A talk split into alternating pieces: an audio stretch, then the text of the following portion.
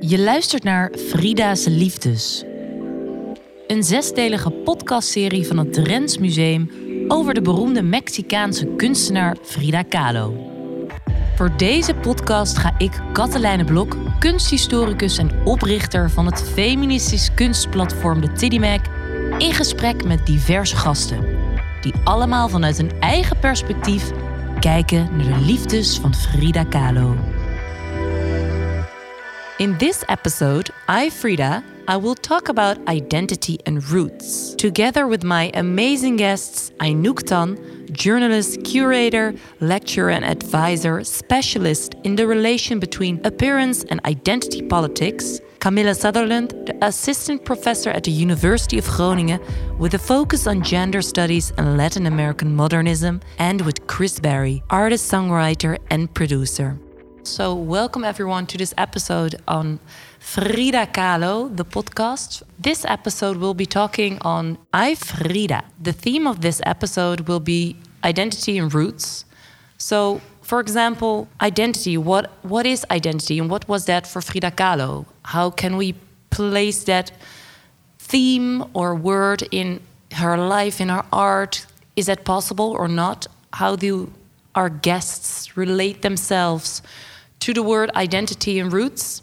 And how important is that in general? Um, but before we hit off with our conversation, Annemiek, it's time to introduce this episode a little bit more. Annemiek, yes, you're here again today, um, chief curator, and you're going to tell something with the one work we're going to discuss. Which one did you choose? It is called My Nurse and I. Frida Kahlo was born in Mexico in 1907, but in later life she often said it was 1910. That was the year of the Mexican Revolution, and Kahlo felt a strong connection to this event that ushered in a new era. It was an important period in the cultural fields. The revolutionaries wanted to get rid of European influences and return to the traditions of native Mexico, the authentic uh, Mexico before the Spanish colonial domination. Although Kahlo herself had European roots through uh, her German father, this appealed to her greatly. Uh, Mexican culture played a major role through, throughout her life, just like her mother did when she was young. Kahlo wore the beautiful Tehuana clothing with great pride and also collected clothing from the beautiful. Uh, uh, other regions from Mexico. And with this, she made a political statement, especially when she was in the capitalist uh, United States and the rotting Europe, as she once said. Not only her appearance, but also her home uh, breathed everything Kahlo stood for.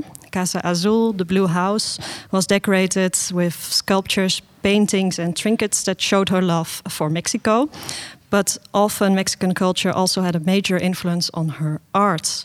For example, Kahlo often painted on metal, as did many folk artists who made religious little ex voto paintings. And she regularly used symbolism from other Mexican cultures, like the culture of the Aztecs. She mixed them with the iconography of European art history and symbolism from Eastern cultures and created thus her own visual language. And the painting, My Nurse and I, is an important piece in this regard. And you can find an image uh, on our website. Kahlo portrayed herself as both a baby and an adult being fed by a native wet nurse because Frida Kahlo's uh, sister Cristina was born less than a year after her. Uh, their mother was unable to feed both children at the same time and hired a wet nurse. This painting symbolizes the importance Kahlo attached to the, this first phase of her life. The milk is not only a source of life for Kahlo, but also for the Mexican plants surrounding her, given that the white liquid falls as thick raindrops from the sky. And the nurse thus symbolizes a kind of primeval mother. There is a clear link to Christian iconography of Madonna and Child as well. But the loving face of the Virgin Mary is replaced by a male Aztec funerary mask. I am a mixture, Kahlo has said.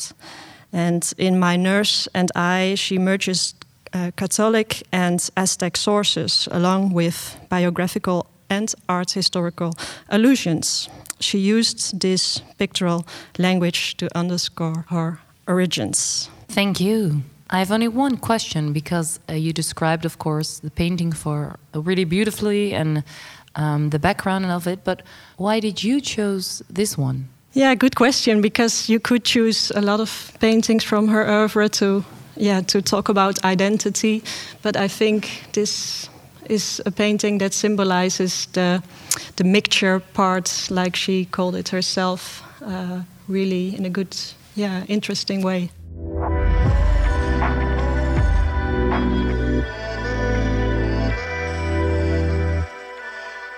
Before I want to ask you um, three, what you feel and think if we say Frida Kahlo, I want to ask you like this painting. We just heard the description. Camilla, what do you think of it when you look at it? When you hear the description of Annemiek?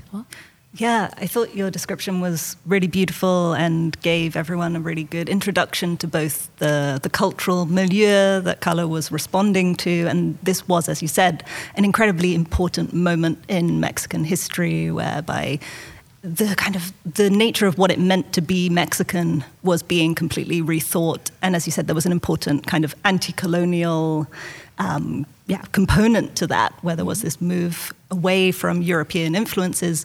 But again, what we see in the work of Kahlo, in this work and in her across her work, is that she was very much about interspersing different cultural influences, and this can be seen as, as was mentioned in the introduction, kind of an urge to encapsulate her mestiza, her mixed race identity.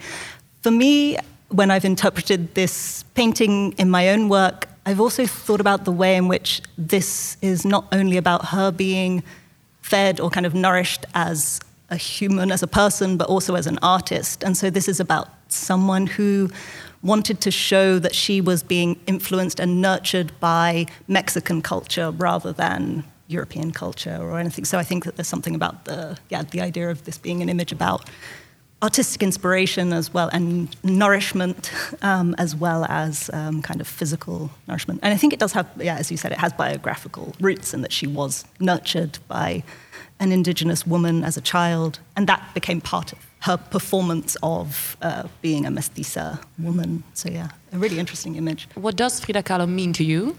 To me, um, it's a really interesting question. She's an artist that's kind of been with me in one way or another since I was a child, in a way. I think um, I mentioned it to you before when we've had conversations that my mother is an artist, and when I was young, she was also an art teacher.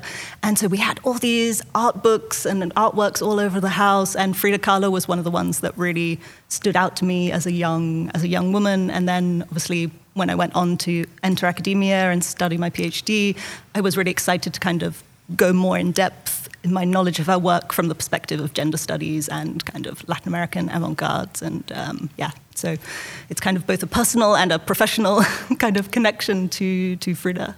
But did your opinion change a lot during those yes, times as well? I would say that yes. I think that I moved from yeah being uh, a fan of Frida Kahlo to being someone who could see her work from a slightly more critical perspective, mm -hmm. I guess. Mm -hmm. um, yeah. Chris Berry, for you, if you we just uh, looked and listened to the description and the painting, uh, what does Frida Kahlo mean to you?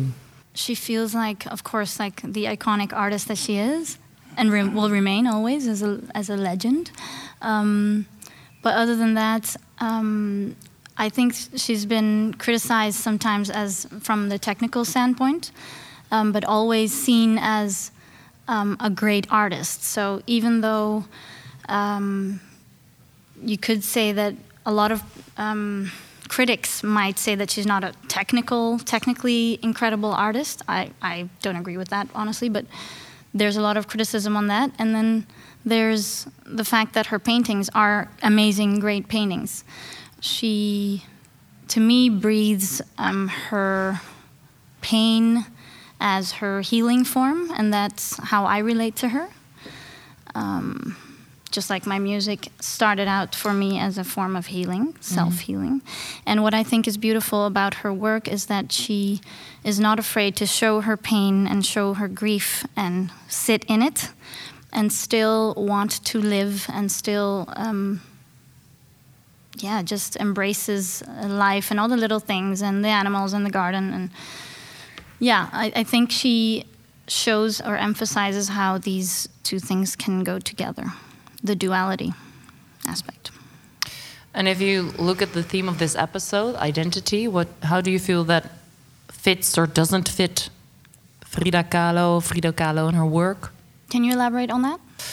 Well, I see you nodding as well, Camilla. Perhaps before I uh, answer that one, um, what? How do you feel that, for example?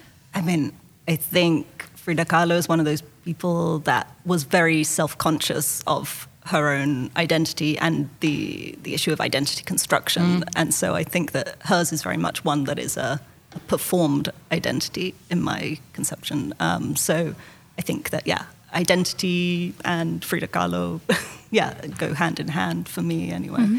Or conceptualizations of identity yeah. from different perspectives. I think it's interesting that it was always very real to her, and that people or viewers or fans tend to interpret things, interpret meaning, interpret semantic, and yet it's so simple. It's for her, mm. to her, it's just the reality as is, literally mm. the what what it is. Yeah. Anouk Tan, identity and Frida Kahlo. Yeah. What's your opinion on that? a very broad question, but um, mm-hmm. of course, I mean, what Frida Kahlo does is portray herself. So mm. in that sense, it is her. And uh, yeah, what you also say, you, I don't know if you can say it is, it is performed, but I because there are also, um, but I think she was very aware mm. of how she represented herself. Yeah and through the, the, the, experiences that she has, for instance, a miscarriage, uh, mm. her pain from the, the body, the accidents that she has, she portrayed that in her work. So her work, in that sense, was very um, representational for what for her. Eh? You see her a lot in the pictures, mm. but there's also her experiences. She puts also in her work, and in that sense, she she's maybe one of the first um, in a line of feminist artists who used their body and their experience as a way to to to put themes that that uh, of women on the map. Uh, you have a very famous quote from the '60s that says, "The personal is political." Mm -hmm. uh, so. Mm -hmm. The that personal of the women, like that we have miscarriages, that we are have our periods, mm -hmm. that was not a long time not taken, and still is not actually in policy, for instance. Correct. So what what uh, so this topic she puts on the map, and in that sense, she knows, I think she uses her body in that sense and the representation of her body in her work um, uh, uh, for to, to, to, to point out political topics mm. or, or uh, topics that were uh, important for society, that were about equality, that were about emancipation, that was about the colonial past, that was about indigenous, her indigenous past, well, and so forth. Mm -hmm. So in that sense, I think she used her identity to put on the map certain themes. Do you feel that identity can be seen as separate from the person you are as a creator, as an artist?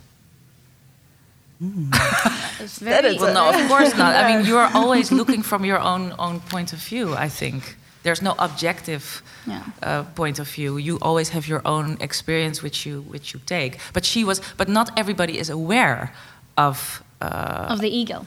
Mm. Well, of of the, of what you put put out there, or what mm -hmm. you wear, or how you represent yourself, mm -hmm. how you express yourself, how you paint yourself. She also made the mustache a little bit uh, bigger, of course. Everything that yeah. revolved around a certain topic that she wanted to uh, point out in yes. a particular work, yeah. she would just emphasize it yeah. even more. And I think that is beautiful mm. um, about her work. Yeah.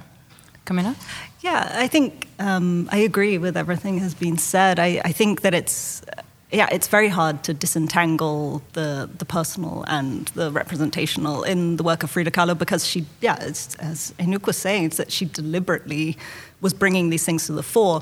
I think it's important to recognize that there is a kind of self-conscious or constructed element to this, and so I think that she is drawing from her own personal experience, but she's also yeah, she's constructing a particular message or she's doing it in a particular way. And she was very aware of and took control over her own narrative. And so I think, yeah, yeah can you name an important. example of that control and like mm-hmm. creating that narrative and being aware of it? Yeah, I mean, I think it's kind of it's everywhere. I mean, I think that it's it's down to the way that she self-represented and her her visual image was. Um, I think if you look at kind of early photographs of her, as we see in the in the exhibition here, you do see an evolution of this kind of persona or self-mythologization that she undergoes, and part of this, I think, is her yeah, reacting to the experience of being a young woman artist trying to break into what was at that time an incredibly male dominated sphere and yeah. still is an incredibly male dominated sphere.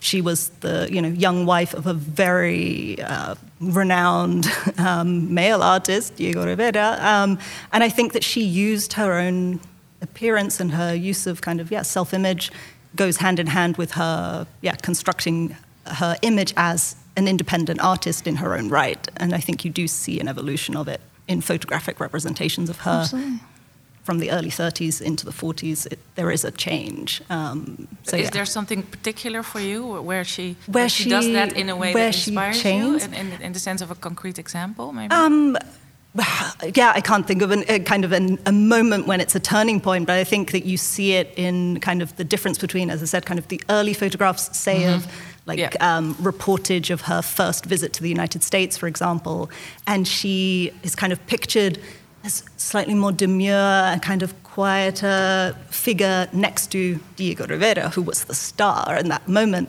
And when she was first reported on in the United States, they actually wrote about her in terms of Oh, um, Senora Rivera, so Mrs. Rivera, also dabbles in painting. So mm-hmm. she has a hobby of painting, isn't this cute? Um, and I think that she reacted to that experience of being kind of diminished um, in those early experiences. And then when you see her return to the US for her own exhibition in New York in 1938, then we see her, I think, kind of fully step into her role as the Frida entrance. that we yeah that we recognize today. In what kind of way do you feel like she used her art, but also perhaps her appearance, like her clothing, in showing mm. that identity? And in what way do you guys feel she did a correct or perhaps an incorrect way? Anouk? Yeah. no, uh, I, I, understand. This is my department. Um, well, I have to think about a, a family, uh, a picture where she was in a suit, mm. actually, a really like male kind of suit. Like her whole family was there, and like this pretty, the dad and the mom and the sister, yeah. and she was there in a suit. You know, it's like, it's a very, so it's also uh, the way with the suit, mm. she, she, which was not very normal for women to wear suits in those days, as much as it is now. Mm. Um, but uh, yeah, she takes this this kind of costume mm. on, in which she also takes agency over her body, mm. right? So there's this beautifully said strong mm. sense of of I'm here, I'm taking up space, I'm playing with male. Uh, um, the symbols of male clothing, -hmm. let's say. Um, also, you see her wearing the rebozo. Uh, oh my God, the rebozo. Uh, maybe rebozo. I'm not complaining. Yeah, yeah? Mm-hmm. the rebozo shawl. Yeah. Well, it's the, no, it's the blouse actually. Uh, Sorry? Yeah. Yes, the huipil. Yeah, the, yeah. the huipil. So there's the there's the huipil, which is a clothing from the pre-colonial time. It's a it's a uh, see-through blouse, mm. and when the Spaniards uh, came to uh, Mexico, the indigenous people couldn't wear this blouse anymore mm. because it was see-through. So it's also very important, I think, to recognize that before the colonial time, before the, the Christian yes. Uh, yeah. over-conquering of mm -hmm. the whole basically global South, but that's something else. -hmm. Um, that that women couldn't uh, show have see-through blouses anymore. Mm. So the the the huipil they wore, the women wore it around their head just to still wear their own mm. clothes, but they couldn't wear it anymore because it was see-through.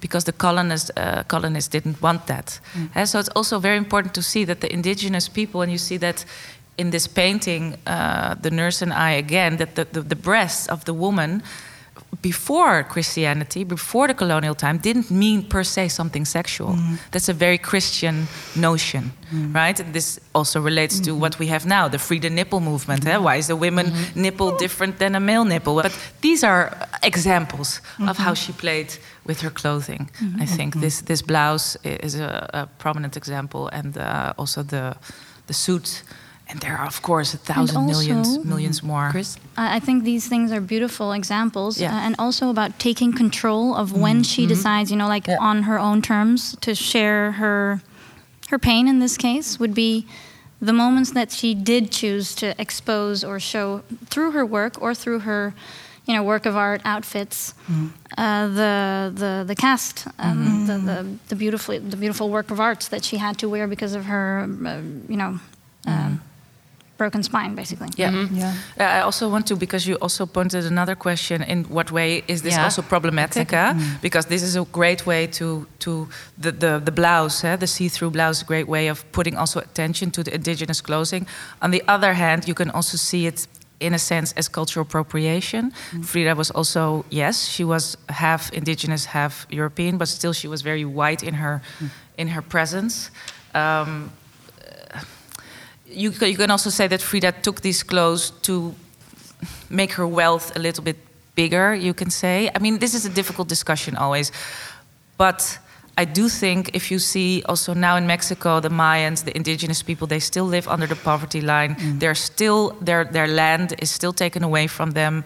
Um, so I think we also have to see that in this light. Yes, she claimed uh, she got attention for this topic, but also if you also look at the stuff there is of her face everywhere, who's profiting from that? And isn't how how are the indigenous people themselves also looking at Frida in the sense that she has become an icon and actually a, a money making machine? Can you name an example of like overshowing, perhaps with clothing, yeah, that we can call cultural appropriation? Well, cultural appropriation, maybe it's also good to say, basically is that you take symbols from a, a people that are already suppressed and uh, use it for your own to make yourself richer, basically.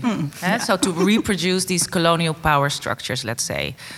Um, and yeah, Frida was constantly in indigenous clothing while she was not really an indigenous woman. And I think there is something still as white privilege, which means that a lot of people also like to see that white people are more accessible to look at than. I don't know if Frida was also a, a person of color, if she would be so loved. Camilla, I'm Yeah. deep now turning to you because um, what Anouk just said, like, what did you see, for example, in your research and what the things you Yeah. discovered in perhaps the turning point for yourself as well, uh, relating to this? Yeah, no, I mean, I think it's a really interesting dimension to her work, and it's something that amongst scholars is now being really rethought and reframed. And I think that it's, um, yeah, from my own perspective, as someone who's worked on Frida Kahlo's work and kind of always framed her as this kind of, you know, a bastion of feminist ideas, and that she's a, you know, this great, um, yeah, feminist icon, that it's then it's uncomfortable, I think, for some of us scholars to then think about, okay, but there's actually some really problematic dimensions to her usage or perhaps misusage of indigenous symbolism and indigenous forms of dress that, as you said, were kind of utilized for her own self advancement to a certain extent. I think it's important to also frame it within the historical moment that she was living in. And this is, you know, she was responding to a kind of national reframing of indigenous or kind of claiming of the indigenous to mean Mexican. And so to, to Frida Kahlo, I think she felt that she had a kind of innate um, sense of ownership over this, that this is all, to her, she's like, this is also my culture. Um, and I think now, you know, and for many years, scholars have been yeah, highlighting the problematic dimensions of what we call the indigenista movements or the indigenist movements that were going on in Mexico after the revolution, which on the one hand sought to kind of revalorize indigenous culture, but it was always from the perspective of a mestizo or white elite. And they were the ones who were in control of the narrative. It wasn't necessarily Exactly. that they brought in indigenous figures and actually asked them to speak for themselves. That's- and yeah. so, yeah. That's How- a very important point. That mm. this is Frida's work is very much about agency, about what mm. she wants to say, and that she is dominating her appearance. Or, and I think this also has to go for the indigenous people themselves. Because So- how important is that claiming um, claiming that, claiming your own narrative in also telling your story, telling your identity in art, in the stuff you create? How important is that? Chris? How important is claiming that? Yeah. I, I, I'm sorry, but I, I think I want to hear you speak right Oh, now. Sorry. I know, yeah, yeah, because um, Yeah. I'm so caught up right now in, in the in the topic that you were discussing. Yeah. that I'm in that tunnel right now. Yeah. Well, okay. Well, uh, the, the only well, uh, you know, like the, um, I think it's very important to say, like Frida was a feminist artist. That means that a lot of women and still are, uh, are, are, we still live in a patriarchy, which means that a lot of white, mostly men, fill in the dominant positions in companies or organizations. And the same also goes for uh, women that still have to fight for their rights. Frida does that. But the same goes also for indigenous cultures. Their culture has been uh, erased a lot of the mm. times by uh, uh, the, the, the, the, colonial uh, uh, regime, the Spaniards in this case, in Mexico, mm -hmm. that has erased their culture, their ways they see things, the way they, they handle the plants, or they, they see the world. Their reality is totally different than ours. And their voice has been uh, silenced for a very long mm -hmm. time. And this is just. Uh, that, and if then we talk about Frida Kahlo now, I think it's also very important that we listen to the indigenous uh, of, of people, how do they interpret Frida's work? And this I find sometimes problematic that Frida's work is most of the time interpreted by the Western art. Mm -hmm. And I will give you a, a, very small example of that. That, for instance, um, she was uh, named a surrealist artist. But mm. a surrealism is a is an art uh, discourse narrative uh, stroming uh, from the West. Mm. Yeah. And Frida was always like, What are you talking about, surrealism? Mm -hmm. This is mm-hmm. just what I see, what I'm seeing. And uh, so we, we have to really be aware that we do not define her again according to our way of seeing things in the West, while she was so much trying to make us see a different perspective, mm-hmm. a reality that has been silenced. And then I'm talking also of the uh, indigenous people. Mm-hmm. And is that um, at the moment because we're now Frida Kahlo is not amongst us anymore, and we're like we all have our paintings and everything she gave, well, kind of gave us, but that's another discussion. But gave us, and we still have. Is it a danger to, well, of course, re- researching but more framing or putting like a stamp or like something on Frida Kahlo? Is it is it a danger that we do it in an incorrect way or not the right people? Camilla? Yeah, I mean, I think, yes, I think that it's something that we have to be really conscious of as researchers or scholars or people in the public eye, that we bring our own perspective baggage. and sort of, yeah, a set of cultural baggage to the work that we do and the way in which we frame. And I think that it's about bringing in as many different voices and perspectives in terms of the other scholars that you cite and that you engage mm-hmm. with, and that it becomes a dialogue rather than a monologic kind of this is what Frida Kahlo's work means. And I think that the more we open that up and the more different voices that come in, mm. the better, I would say. Yeah, because uh, Chris, you tell your own stories through the music you create. Um, how important is that for you to also you're a songwriter, you're a singer, you're a producer to do that yourself to tell those stories? It is important for me in the sense that yeah, it's been my personal healing journey really, and um, I think those two things can go together. Just uh, in her case, painting her pain. If I'm looking at this painting yes. again, and we're talking about this painting, so I'm just going to hop onto that. My nurse and I, the painting, you mean? The yeah. painting that we're discussing, yeah. yeah. Um, I find it interesting that you can actually see, and she shows this in more of her work. Uh, you can see the translucence, the translucent um, part of whatever is covered on the canvas. So in this case, the milk ducts that mm-hmm. actually produce the lactating mm-hmm. milk from her wet nurse. In this case, um, but also the other breast. People, women have two breasts for a simple reason: they're able to feed two children, actually. Mm. Um, but the excuse in my opinion, was that the other daughter had a priority, and mm-hmm. the reason why the um, funerary mask was on the other woman uh, was because she didn't remember or recall her face. But I mm-hmm. think um, she just didn't want to recall her face. Maybe that's the the distance that she's portraying, right? Mm-hmm. And people see uh, a young a young Frida, but I also believe that since she's been always so ahead of her herself in terms in, ahead of her time, let's say, um, the the young baby is also representing a mini Frida that she never had mm-hmm. yeah. or never was able to have. Um, yeah, and I think that's very sad. Mm-hmm. And uh, one thing that um, really came across for me was the irony of that one other breast nipple that was leaking milk, as it does with new moms, um, that would be like the golden liquid that was going to waste all this time, and uh, also representing um, the bond that she never had with her mother. And I- ironically, I think the mother played an important role in her paintings because of the mirror thing and the fact that she received the easel and the mirror and the paint. And Yeah. maybe we wouldn't have had the Frida we're talking about today. If we look at interpretation and also perhaps projection, sometimes I can imagine that people listening to your songs, they also do that, of course. Yes. You take something personal, you flip it around and make it universal. And in that sense, I think what you said about politics is very true in the sense that maybe she's not a direct political painter, but indirectly she's telling political stories through her personal uh, reflection. And or she was personal- very political. Very, and also, yeah. she was a big Communist. communist. yeah, yeah, yeah, yeah. yeah. So I think that's beautiful to see how you can take something very personal, in- incredibly intimate actually, and um, put it on paint, something that wasn't revered. Do you say that as acceptable or justified? Yeah. It, especially at that time, and uh, where women, a time where women wouldn't even.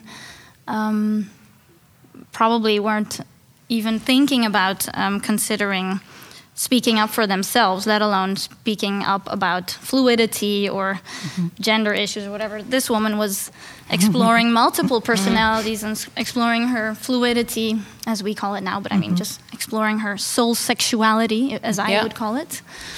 Um, that was um, pretty, pretty pioneering to me. We're gonna listening And we're gonna- inspiring, if you're asking me about my own work, yeah. yeah, we're gonna listen to your own to your work for uh, a few uh, seconds. Cause when I'm beyond the pain, there is only right here, right now. I'm just happy, so glad you're around. What do you yeah? What what do you feel if you listen to it again? If you hear this song on this moment, because writing and I think singing, yeah. Um, the song is called Right Here, Right Now, and it's all about being in the present. And I'm not um, insinuating that I am that much so in the present, but it was the it was inspired by the mirror provided to me by my daughter Nasa, who basically is my mirror of being here and now. Um, because you can be in your head as much as you want to, but her urgency is so like bam, in your face. I'm here and now. Uh, and I need you now. Um, even though she doesn't, it's funny because she doesn't have the words to express herself, and yet, um, at a loss for words, can still exactly say what she wants and come across um, clearer than ever. Um, and I think that's a beautiful thing and very uh, learningful. And um, yeah, that's a short introduction to the to the song. And it's also about identity in the sense that she's not identifying with her pain. That's why the lyric goes, "When I'm beyond the pain, I can see you right here, right now. Yeah, I can feel you. I can hear you whisper in my ear, etc." Because when you let go of all this clutter, sticky stuff, as my friend, my spiritual friend Ramdas says, um, yeah, then then you're in your pure essence, and that's reality. That's now. And we're almost already at the end of this episode. But if we look at like art, creating what Frida Kahlo did, what you are doing, how important is is it for telling the story, for passing on that story to other generations, um, but also trying to maintain that story, perhaps, or is it okay? The story changes while other people see it in different perspectives. I think it's far more interesting if it changes. I think that her work can be read by so many different people in so many different ways, and that it's going to be something that evolves, and our reception of it and our understanding of her work and what it means um, is. Yeah, it has to evolve over time. And so I think it's really important that people are asking those kind of urgent questions about, yeah, the issues of race in her work, which are not as often um, discussed or that they're being yeah, reframed within the contemporary moment. And I think that that's really important. But there is a kind of lasting quality, I think, to, and perhaps uh, the issue of universality was kind of mentioned earlier, Yeah. that there is a way in which her work speaks across generations, particularly to women, but also yeah to to a variety of different people. But I think it has to evolve. I don't know how everyone else thinks about it. Sometimes we just have to let it. sometimes when you notice there's space uh, existing, sometimes it's just interesting to let it evolve, and um, maybe it will. I think we should stop it. no, really. I, I've had enough. No, no, no. I mean more. It's like no, no, no. I'm, I don't mean this in a in a bad way, but it's also It's a different angle. well, it's more. But well, you know, like. Um, yeah, like it's also problematic for me that she's, of course, on all this product. eh, She's, she's so commodified. Eh, There's there's a toothbrush, toothpaste, uh, hats, covers like glasses. I don't know everything. So this is also problematic for me because she's also communist, and this is a capitalist way of using her. And then I'm also because her work is so much about the indigenous people and about the freedom uh, uh, battle in uh, the revolution in Mexico at that point, it bites a little bit for me that her thought, thoughts or work are used by basically the things she was against. So that I think could be a little bit less. On the other hand, also I think. Um, we need more diverse stories. Maybe there were also more people like Frida. Let's let's let's hear them. Let's let's hear that. those mm-hmm. voices of the indigenous people that have been silenced for so long. Who, who were those women? You know, who mm-hmm. was that nurse on that mm-hmm. painting? I want to know about that nurse, you know, because this is a story that is repeating itself and it's, it's great, it's a beautiful story. But I think we also live now in a time where it's very necessary to hear the stories from the most marginalized people and not just- just repeat this, this same history all over again. And let's hear, let's diversify history also to bring those voices out. So I think it can stop. This is my opinion, my humble opinion. I think I think it's a different angle that you came from because in in what you're um, argumenting, I fully agree with you actually.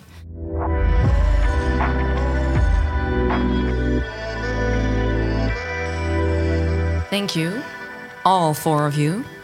And we're gonna talk about this the next episode with Manu Hendricks and Cesar Majorana on Frida the influencer.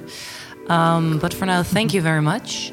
Thank you all for listening as well. And um, you can always leave a nice review. But first of all, I want you to uh, be aware of the next episode with these two amazing guests talking about influencing social media and Frida Kahlo as being portrayed on different, well, toothpaste and toothbrushes and everything we have. everything. Everything you can do. Glasses, but- pillowcases. Exactly Stop that. it, please. Yeah, it's too much. But thank you now for listening and listen to you next time. Dankjewel voor het luisteren. Laat vooral weten wat je van deze aflevering vond en laat een review achter op je favoriete podcast-app. En je kan uiteraard natuurlijk nog Viva la Frida komen bekijken in het echt tot en met 27 maart 2022 hier in het Trends Museum.